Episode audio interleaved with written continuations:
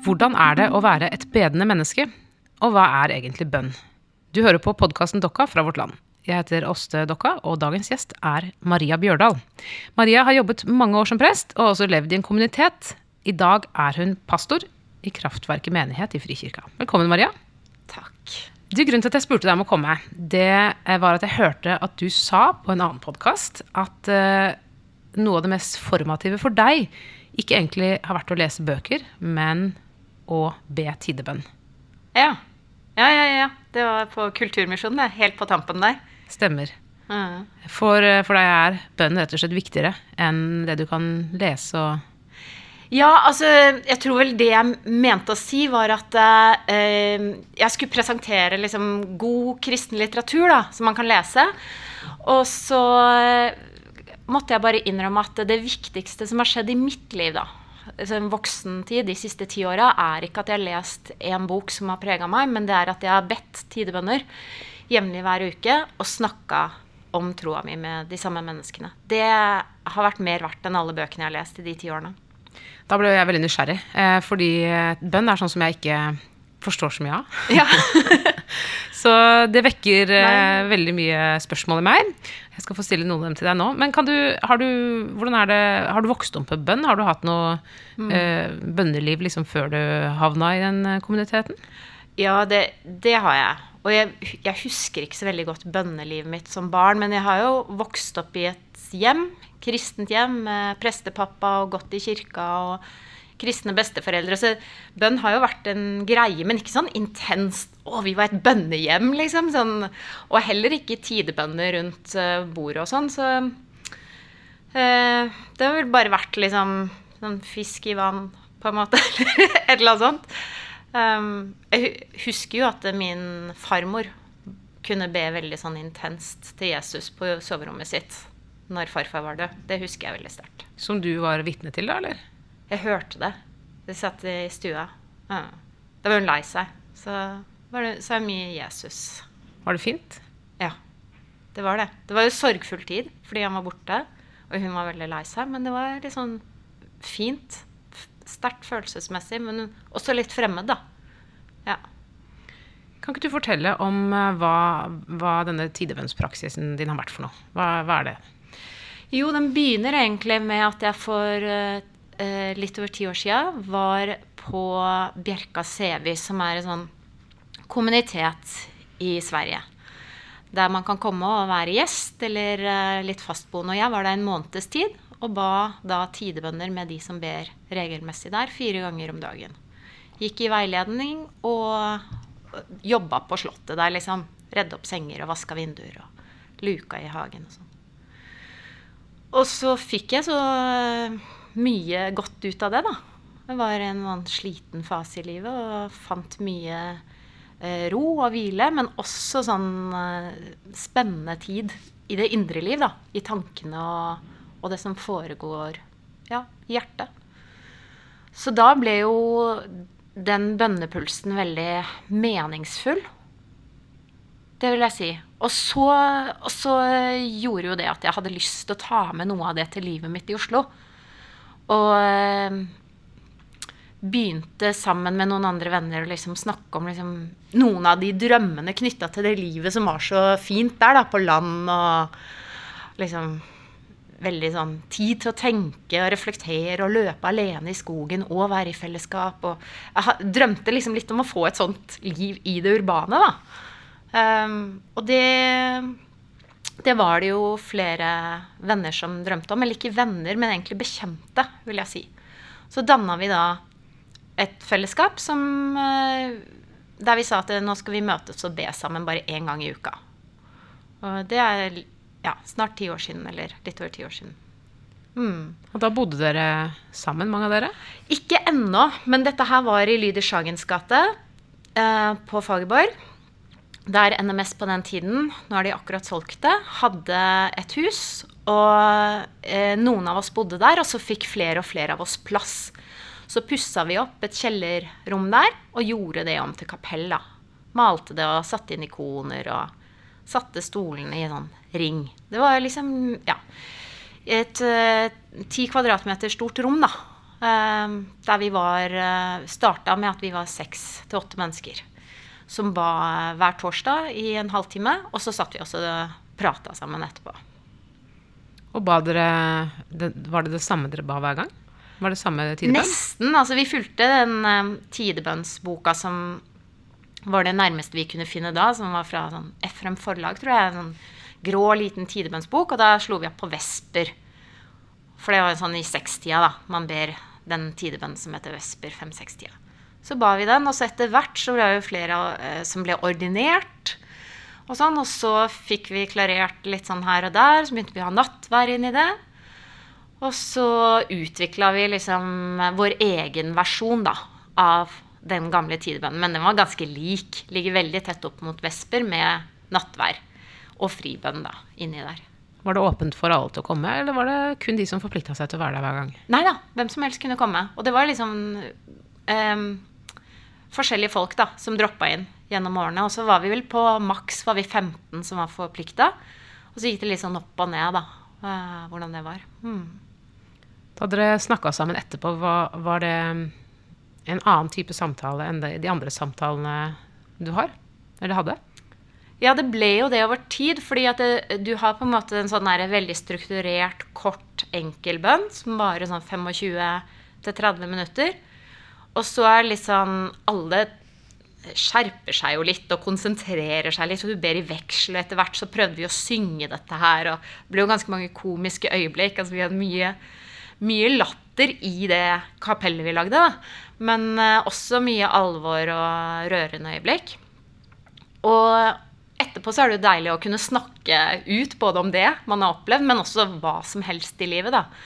Så det danna på en måte en sånn utgangspunkt for en samtale som ble veldig sånn fri. Og du spør om den var annerledes enn alle andre typer samtaler. Og det vil jeg jo si at den etter hvert ble. Uh, for det var en sånn pågående tråd med litt sånn de samme rammene, ca. de samme menneskene, ca. det samme stedet, som gjør at du kan utforske litt sånn dypere de tingene du egentlig lurer på. Om eksistensen og Gud og deg selv, og henger dette på greip? Kan jeg tro dette? Hvor mange prosent ateist er jeg i dag? Hvor mye agnostiker? Hvor mye troende? Altså disse tingene her ble det veldig mye tryggere da, å utforske i en vanlig kaffeprat, på en måte ser for meg at det må ha blitt ganske sånn intimt etter hvert. Du kom ganske tett på folk. Ja, jeg, jeg syns kanskje ikke at det var sånn klassisk intimitet. For det, du kan jo ha noen samtaler som er veldig intime og nære, og man aker seg opp mot hverandre og liksom bare virkelig kjenner at det, å, nå er det meningsfullt, og kanskje klunker man i et godt glass, og det bare Her er det, dirrer det. Mens det er en annen type intimitet da, som oppstår over litt sånn langsiktig forpliktelse. Ja, så det er jo en slags intimitet, men litt annerledes enn det jeg forbinder umiddelbart med intimitet. Eh, eh, hvordan var forholdet mellom det bønnefellesskapet og eh, det, det, å være venner innad i gruppa? Ja, vi kjente jo hverandre litt, men det var ingen av oss som var bestevenner i utgangspunktet. Som bare bestemte oss for at dette gjør vi fordi vi er så gode venner. Det var et felles ønske om å forplikte seg på bønn, og et håp om at det skulle gjøre noe med livet vårt, og finne ut av hva det ville si å tro på Gud da, i Oslo i vår tid.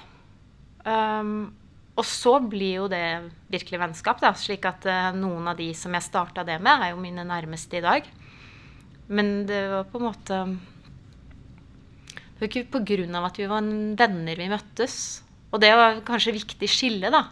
Når fellesskapet, som du sier, er åpent for alle, så kan man jo komme inn og merke at oi, her er det god og nær atmosfære. Disse menneskene er fortrolige med hverandre. De slapper av. Og her er det masse koder jeg ikke umiddelbart skjønner, og alt mulig sånn, da. Men de eksisterte ikke fordi vi var venner, men fordi vi var fokusert på det samme. da, Å søke Gud i den enkle, forhåndsplanlagte bønnen, da, som tidebønn er. på en måte. Ja. Og dere, du, du, sa at dere ønska å, å, se hvordan det kunne prege livet deres, eller et eller annet sånt noe. Hva, hva, kan du liksom peke Kan du identifisere noen ting som du tenker det, det, det, Dette skjedde, og det sprang ut av bønnepraksisen? Ja, I mitt liv, da, eksempel? Eller mm, sånn generelt? Ja, eller, eller, eller, ja, gjerne ditt liv, ja. Jeg tror kanskje det som er på en måte eh, lettest å si, er vel at eh, det som skjedde, var jo at veldig Veldig mange av oss fikk en drøm om å også leve sammen på det stedet og fortsette å utvikle et fellesskap der vi delte ressurser og kunne leve enklere. Der vi kunne um, være litt mer gjestfrie til sammen enn vi klarte å være hver for oss. Uh, der vi kunne ja, søke Gud. Og det, det, er kanskje ikke så konkret, men det mest konkrete er jo at vi hadde lyst til å leve sammen og hadde lyst til å finne ut av det livet. Og så ble det ikke sånn, da.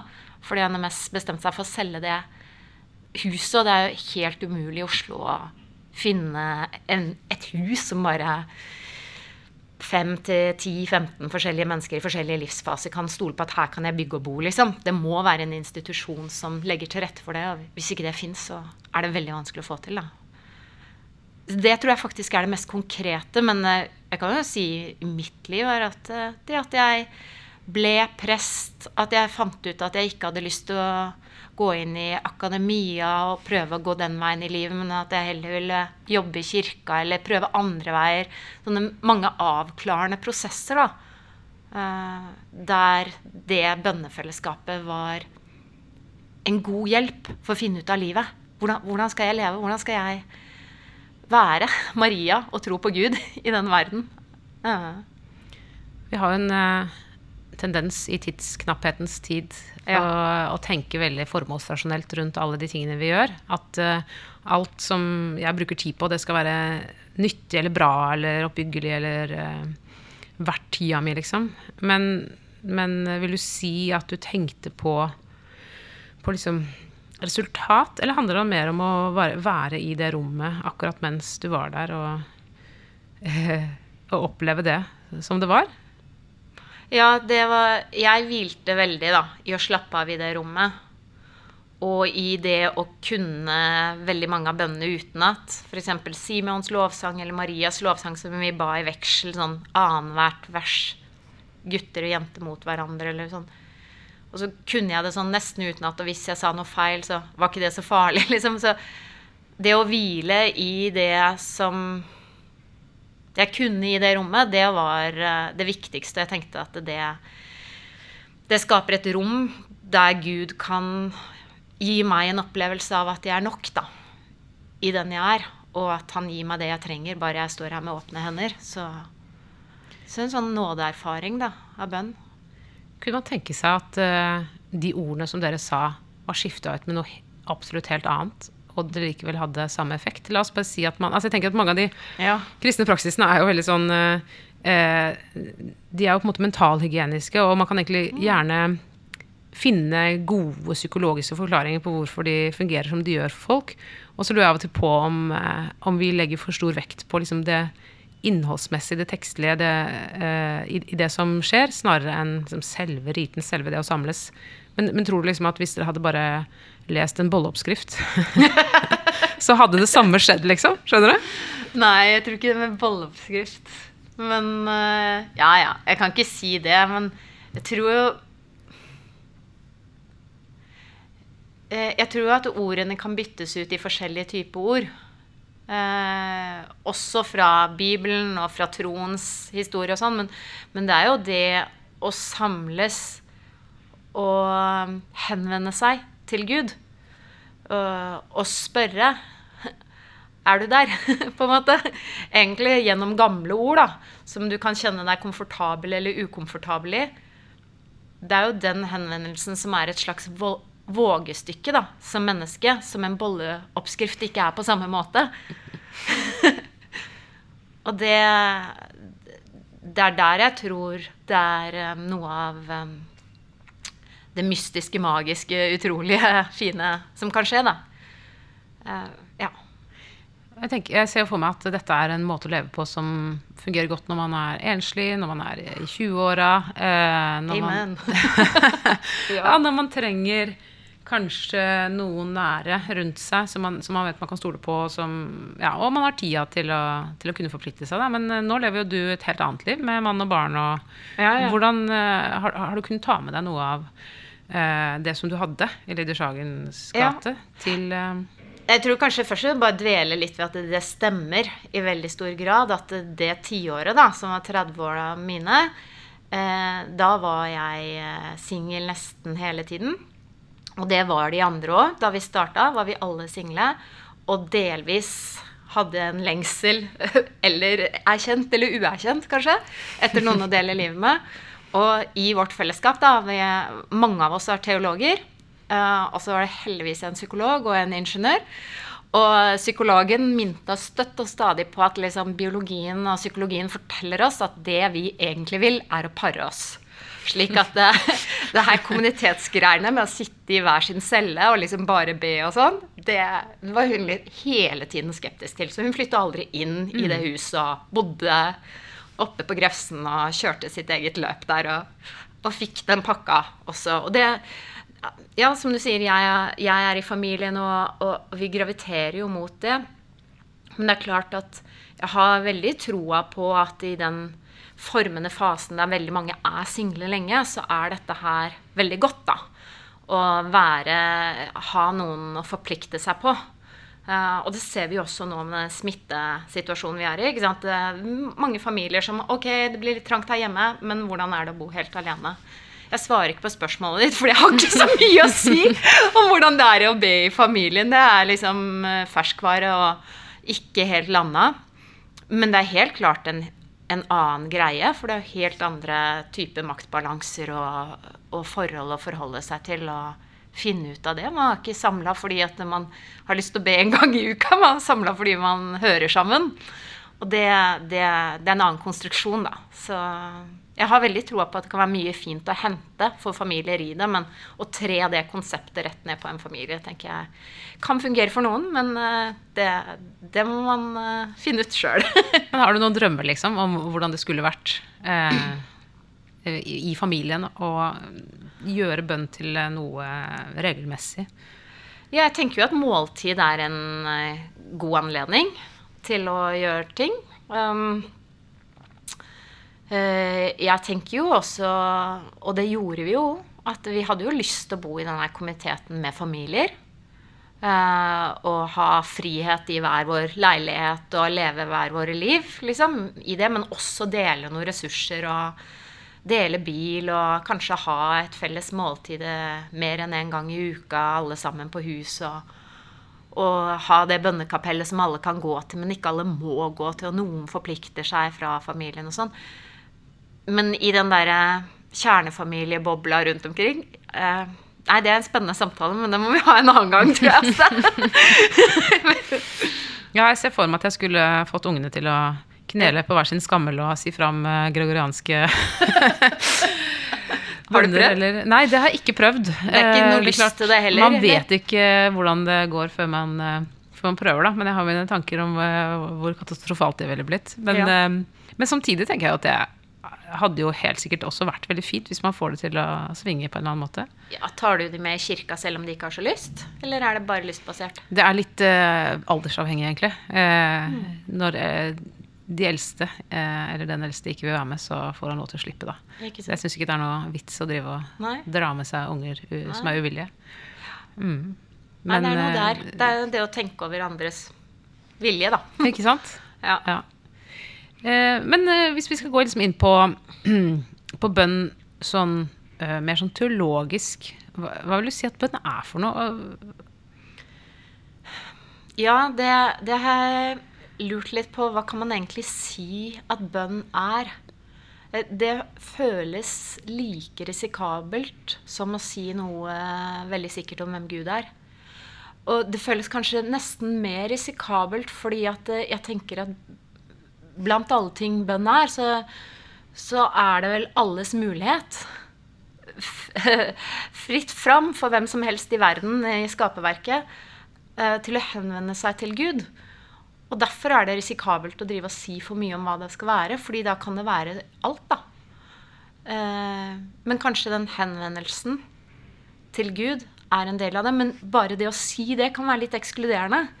For jeg tenker på en måte er det litt bønn her vi sitter nå. òg. Du stiller noen spørsmål til meg og håper at jeg vil by på meg selv og vil dele med deg. Og jeg håper at du vil ta svarene mine imot. Og det er veldig mye vi gjør som mennesker som har mye bønn uh, og risiko og sårbarhet og kraft i seg. da. Så Og i og med at Gud Gud er blitt en del av vår verden, og inkarnasjonen forteller oss at han er overalt, så tenker jeg at det, da er det veldig vanskelig å begrense hvor den henvendelsen til Gud skjer, og hvordan.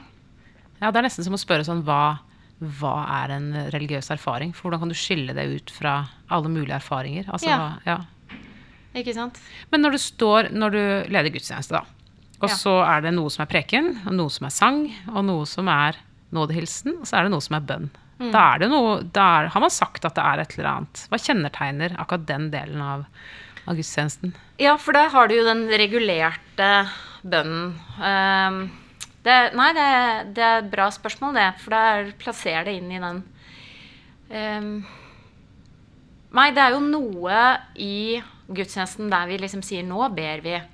Men eh, spesielt da jeg var i eh, Storsalen og var prest der, så var jeg veldig opptatt av at eh, dette her er en hellig tid. Og alt vi gjør fra vi går inn i dette rommet, fra samling til sendelse, eh, er å være i bønn. Det er en invitasjon til å være i bønn. Jeg tror ikke på at man kan tvinge folk til å være i bønn, så det må jo finnes en mulighet til å ikke være i bønn nå. Men, men så er det jo de skrevne ordene som vi er blitt bedt før oss, eller eh, vi ber spontant. Og så, og så er det sukk, da. Og så har du i karismatikken så har du jo liksom eh, tungetale og alle disse tingene her som er veldig fremmed fra min praksis og mitt liv i dag. da. Like fremmed, men, men ikke til stede i eh, min praksis og mitt liv i dag. Men ja, det er veldig mye forskjellig på alle mulige språk. Jeg leste akkurat Jon Fosse sin siste septologien. da. Og der er det jo en veldig fascinerende passasje der han snakker med sin avdøde Ales. Ja, som- Asle gjør det? Asle, ja. Ja. ja. Det var jo veldig internt å anta at alle skulle vite hvem Asle i Jon Fosses nyeste psykologi Jeg var veldig inne i det, da. Ja. Ja, men uh, altså, det jeg skulle si, var at det er han hovedpersonen Han sitter og uh, snakker med sin avdøde kone som om hun er der, i, uh, mot den stolen hun pleide å sitte i. da. Og så plutselig er han inne i bønnen i eh, Fader vår på latin og ja, og så på norsk. Og, og, det- og så Jesusbønnen, ja, puste inn og puste ut. Så det, det er et veldig godt eksempel på hvordan det flyter inn i hverandre. Men samtidig er det jo distinkt forskjellige ting også, som kan beskrives på forskjellige måter. Tror du at, eh, at vi kan påvirke Gud gjennom henvendelse, vår henvendelse til Gud? Ja, det er et godt spørsmål. Eh, jeg, jeg har ofte tenkt på det der eh, Abraham som ber om nåde for eh, Er det Sodoma og Gomorra eller noe sånt? Ikke sant? Og liksom, kan du spare eh, byen hvis det er så og så mange troende der, Gud? Eh, I Gammeltestamentet. Som en sånn historie som Det tyder på at vi påvirker Gud. Men jeg vet ikke om det er så veldig fruktbar måte å tenke på lenger. Jeg tenker at eh, vi er invitert til å være bedende mennesker. Og det med hvordan Gud beveger verden og gjør noe i verden, det er et stort mysterium som vi ikke kan vite så mye om. Vi kan prøve å anta noen ting, og vi har noen erfaringer her og der som tyder på noe. Men det å be, og at så mange som mulig ydmykt og åpent og modig henvender seg til Gud, det tror jeg ikke kan skade. Og ikke, ja, Så jeg tenker jo at det på en måte påvirker verden. Men eh, jeg tror jeg ville vært litt forsiktig med å si 'påvirke Gud'. Ja. det føles litt sånn eh, Jeg vet ikke, hva tror du? Nei, det syns jeg er ekstremt vanskelig å skulle si. Eh, Jeg tror jo på en måte at Gud, det, Gud gjør jo det Gud vil eller kan eller ønsker. Og måte griper inn i den grad Og jeg vet ikke om Gud egentlig går rundt og fikler med virkeligheten på den måten. eh, Eller om det er vi da, som Guds hender i verden som har, bærer hele ansvaret for hvordan ting går. Eh, det syns jeg, det, det synes jeg er helt umulig å skulle sette noen ord på. Og sånn sett så sånn bønn som er altså sånn petitionary prayer, da, som, eh, jeg vet ikke hva det heter på norsk, men den bønnen som er hvor du ber om noe bestemt. Ja. Du ber om fred i verden, eller en ny sykkel, eller hva det skulle være. Den syns jeg er eh, menneskelig sett helt logisk. Selvfølgelig be, Når vi ikke klarer å skape fred, så ber vi om fred. Det er det eneste vi kan gjøre. Samtidig så syns jeg på en måte teologisk sett at det er eh, At det ikke henger på greip. da. Det gir lite mening å, å be Gud om å skape fred i verden. For det jeg, jeg tror på en måte ikke det Eller det kan jo gi mening fordi vi blir mer oppmerksom på fred. Eh, og fordi det, vi gjør kirka oss selv oppmerksomme på det ansvaret. Men som en liksom, påvirkning på Gud, så, så får jeg det ikke til å gå opp. Men det, det spiller kanskje ikke noen rolle. Det vet jeg ikke. Men jeg syns det er veldig vanskelig å tenke seg at eh, dersom folk bare ber nok, så kommer noe til å skje. Ja, at Gud skulle gripe inn fordi veldig veldig mange sånn allierer seg. Nå ber vi om det og det og det. Ja, det, jeg, jeg forstår den skepsisen. Jeg, jeg er nok åpen for at det, det kan være han gjør. Men samtidig så tenker jeg dette er mye mer uh, Større enn jeg vet, rett og slett. Men det kan jeg, jeg tror det gjør godt at vi ber om fred. Og, og at når vi henvender oss, så mange som mulig av oss henvender oss til Gud og ber om fred, så gjør det noe med oss, men kanskje gjør det også noe med Gud i verden, da. Altså sånn, sånn som Gud er til stede ved sin ånd i andre mennesker også, er det mulig, på en måte? Nå tenker jeg bare høyt. Ja. At uh, vi, vi henger så dypt sammen, da. Hele skaperverket og, og alt i Gud. At um, på den måten så, så er vår bønn med å bidra. ja, På samme måte som absolutt alt egentlig har betydning. Fordi alt har konsekvenser. Ja, litt sånn er det ikke sånn butterfly eh, theory, at liksom alt henger litt sånn sammen. Og det, sånn opplever jeg det, at man kan beskrive det gjennom eh, ja, forskjellige typer myter eller legender, men også vitenskap. Og at det er sånn i Gud da, og i teologien. Har du noen opplevelse av eh, når du ber, at du ikke- opplever det som en monolog fra din side, men at du er i kontakt på en eller annen måte med Gud, eller du hører eller kjenner et eller annet type nærvær? Det er ikke så ofte jeg ber nå der jeg driver og leter etter det. og det handler jo litt, som du sier, med den familiesituasjonen, at eh, bønn er på en måte eh, Ja, at eh, det er pressa fra veldig mange som skal ha oppmerksomhet hele tiden. Og lite tid alene og i stillhet. Eh, men eh, et slags nærvær har jeg vel noen opplevelser av som har forma meg, og som tatt meg videre, da. Nå er jeg veldig god til å glemme de konkrete hendelsene.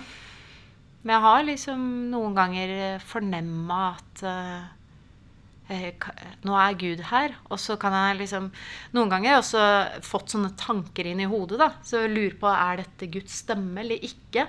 Og så tenker jeg at dette her høres jo veldig meningsfullt og fint ut, og ikke som noe jeg hadde tenkt ut i går, liksom. Kanskje det, det bringer liv og er godt. Og da har jeg ofte prøvd å følge de ordene og se om de gir frukt og er mening i livet, da. Hvordan har det vært? Eh, nei, det har vært veldig fint med det ene tingen som jeg tenker på nå. Det var, jeg tenkte, det var da jeg var på Bjerka Seby omtrent på den tida for lenge siden, at jeg ikke skulle lese mange ord og skrive mange ord. For jeg, har, um, jeg leser litt sakte, sånn mildt dysletisk. Så jeg har alltid følt at jeg ligger bak, både i pensum og alle andre. Jeg har lest for lite i forhold til å henge med, liksom. Og så opplevde jeg liksom bare at jeg fikk mer sånn invitasjon, da, vil jeg si, til å lese få ord om igjen og om igjen. Og at det gir mer mening i livet sånn som jeg kjenner det. Og sånn. Og det ja, tok bort litt sånn konkurransefølelse knytta til lesing og gjorde det mer meningsfullt, spesielt med bibellesning, da. Ja, det med å, Når man ber tidemens, så er det jo mange av de samme tekstene som man kommer tilbake til igjen og igjen og igjen. Og man kan dem jo til slutt utenat. Mm. Har du Jeg strever i hvert fall selv med det. Eh, prøver når jeg skal be Fader vår, å be den liksom på nytt. Ja. Hver gang jeg ber den. Ja. Um, og, og, hekte det fast i min virkelighet en gang til, liksom. Ja. Uh, men jeg syns det er ganske utfordrende med ting som er så enormt kjent, å skulle liksom finne dem på nytt, da. ja, hvordan prøver du å gjøre det nytt hver gang? Det var jo veldig spennende. Ja, nei, jeg prøver jo å tenke sånn La riket ditt komme. Da prøver jeg å se det for meg. Jeg prøver å ehm, Prøve å tenke på om jeg vil at Guds rike skal komme. Ehm, eller gjøre det til min vilje. Hva dette Guds rike er for noe. Hva betyr det? Og så ender jeg veldig ofte i en sånn derre eh, La din ville skje på jorden. Ja, er ikke det det samme? Er ikke, er ikke Guds, Guds rike og Guds ville det samme? Så jeg prøver, Men det, det er jo selvfølgelig bare en sånn eh, dør ut. da Det er ikke nødvendigvis sånn at man skal drive og dvele ved det midt i bønnen. Men jeg prøver liksom å ta, ta ordene inn eh, i meg eh, på nytt som, som friske ord. Men det, det syns jeg også er utfordrende, fordi det er så kjent. Eh, og det skjer jo av og til at man leser en bibeltekst, og så plutselig så ser man at det står et eller annet der som man blir helt slått av. Eh, som man ikke har lagt merke til før. Men andre ganger så er det jo Med en gang noen begynner å lese fortellinga om den barmhjertige samaritan, så er det helt umulig å følge med, liksom. Men hvordan er det når man skal be om og om igjen det samme og det samme? Nei, det er ehm, det, det er jo litt det jeg tenkte på i begynnelsen når vi snakka sammen nå, at det er en sånn dyp hvile i det. At jeg slipper å prestere så mye. Slik at autopiloten min når jeg går inn i en tidebønn, er ikke 'skjerp deg, Maria', men det er mer sånn eh, 'slapp av'. Og så kanskje kommer det noe til meg i et sånt øyeblikk av klarhet. Og så hvis jeg tenker sånn 'Å, nei, men nå, du, nå kan du prøve å skjerpe deg litt', så, så, så kanskje ligger det en gave i det, da. Og For du må jo følge med, liksom. Ja, men du må ikke alltid det heller. det er det som er fint når mange Ja. ber sammen. Jeg tror nok jeg var den i gjengen vår som fulgte dårligst med, da. Så jeg gjorde mest på automatikk og liksom la bort heftet og sa mye feil og, og sånn, da. Men, eh, men det er klart du må følge litt med, ja. Det er en slags konsentrasjon involvert i det òg. Så eh, jeg eh, Og da, når du har sagt noe om og om igjen, da, som f.eks. Kyrie sier det om og om igjen, så en dag kan det bli veldig meningsfullt. Eh, Det fremmede, rare ordet, liksom. Altså, hjelpe meg. Eh, Her er det Ja, jeg trenger hjelp. Eller eh, ja, det, vi ba ofte etter at vi hadde hørt bibelteksten og, og lest den, og så var det stillhet, så var liksom at uh, Guds ord skulle bare slå, slå rot, da. Og at eh, det er som hvete og hm, hvete og mat, at Guds ord er som mat. Så det er mye mer fruktbart da, enn en liksom sitte og tenke bibelsyn. Altså det åpner det å høre de ordene om og om igjen åpner for så veldig mange forskjellige måter det kan lande på fra gang til gang. Det har jeg opplevd veldig fint. Helt til sist, eh, Maria. Tror du bønn er noe for alle? Jeg håper det. Det, det håper jeg virkelig. Jeg både håper og tror det. Men kanskje ikke samme type bønnepraksis, eller Nei. Det, nettopp det. I den, i den grad sant, at man kan tenke at bønn er, er veldig vanskelig å definere. Men, men eh, det er noe for alle mennesker.